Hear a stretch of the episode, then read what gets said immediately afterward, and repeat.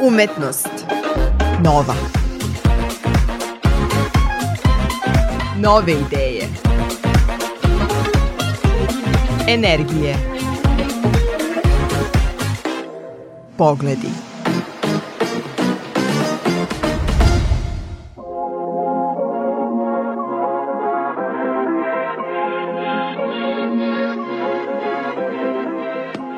Otvorio sam teglu meda, zario dva prsta duboko, stakleno grlo dozvoljava koliko je anatomija kod žene. Materija je ostala nepromenjena uprko svom kapanju, ceđenju i ostalim glagolima koji podrazumevaju nered. Dobar dan, ja sam Isidora Bobić. U ovoj epizodi predstavljamo Milana Ticu, 26-godišnjeg pesnika iz Novog Sada. Svoju debitansku zbirku iz albuma Nestalog u požaru objavio je u čuvenoj ediciji prva knjiga Matice Srpske. Tica spada među one pesnike čije se stvaralaštvo razvija iz čitalačkog iskustva. Poznavanje savremene srpske i svetske poezije u kratkom roku rezultiralo je zrelim pesničkim rukopisom.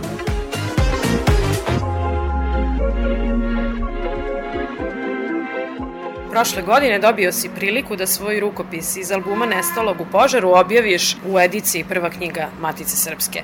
Sad sa ovom malom vremenskom distancom, šta je ono najznačajnije što ti je donela ta prilika? Tako i za mene je poezija bila nepoznanica, odnosno bežao sam od nje, bilo da se radi o ispitima, bilo da se radi o nekom slobodnom čitanju, ali eto jedan dan je bio presudan budući da me moja najbolja prijateljica Marijana Jelisavčić naterala da pređemo preko 100 pesama za jedan ispit. Ta ispit se ticao savremene poezije i tu sam ja počeo da upijam formu, ideje, teme. Tada kreće moj put. Kada pišete i kada to ne objavljujete, uh, obično šaljete prijateljima putem, ne znam, maila, Facebooka, da čujete neke utiske. Moram priznati da vas mnogo zbiljnije shvataju kada objavite tu knjigu i kada oni dobiju taj papir dobio sam dobar feedback i ljudi su mahom bili iznenađeni kako poezija izgleda danas, budući da je njihovo znanje bilo svedeno na ono što nas uče u školama, osnovnim i srednjim. Dakle, to je poezija koja je tradicionalna, to su romantičarski pesnici, modernisti, a moja poezija je malo opipljivija, malo zasniva se na nekoj stvarnosti, a manje na toj abstrakciji. Svakodnevica je zapravo jedna od svojih glavnih pesničkih preokupacija. Tako je, mene privlače sitnice, međutim poezija danas se često izlupotrebljava, ta njena forma se zlupotrebljava, pa e, ljudi misle da baš od svega može da nastane poezija, čak i od neke misli koja nije najbolje razrađena, što nas dovodi do ove Instagram poezije, instant poezije. Kad vi vidite da je neko izlomio jednu rečenicu u 3-4 stiha, mislite aha, poezija, ali to je samo vizuelno. Kad uđete u srž toga, shvatite da...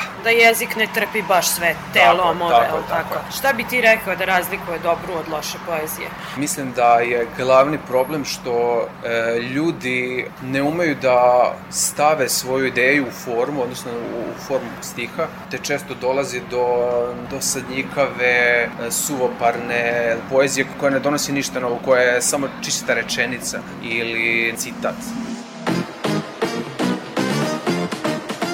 Mislim da će slušalci najbolji utisak o onome što za tebe prava estetska, poetička vrednost imati kada čuju neku tvoju pesmu, da li bi je podelio sa nama? Izabrao sam pesmu Kako sam shvatio da nisam Bog i sada ću je pročitati.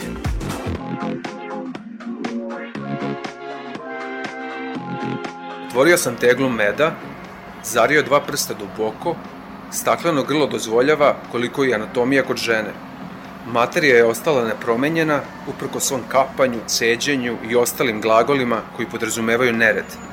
Prsti ni ovog puta nisu bili stimulans u procesu stvaranja, a Bog je kao spermatozoid koji promaši ulaz, nemoćan da promeni materiju.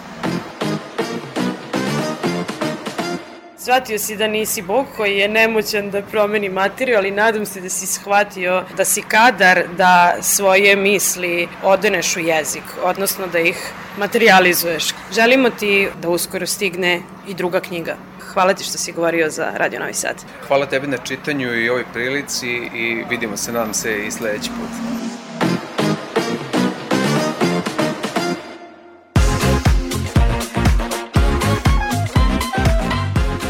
Bio je to mladi novosadski pesnik Milan Tica. Ja sam Isidora Bobić, slušali ste epizodu serijala Umetnost Nova.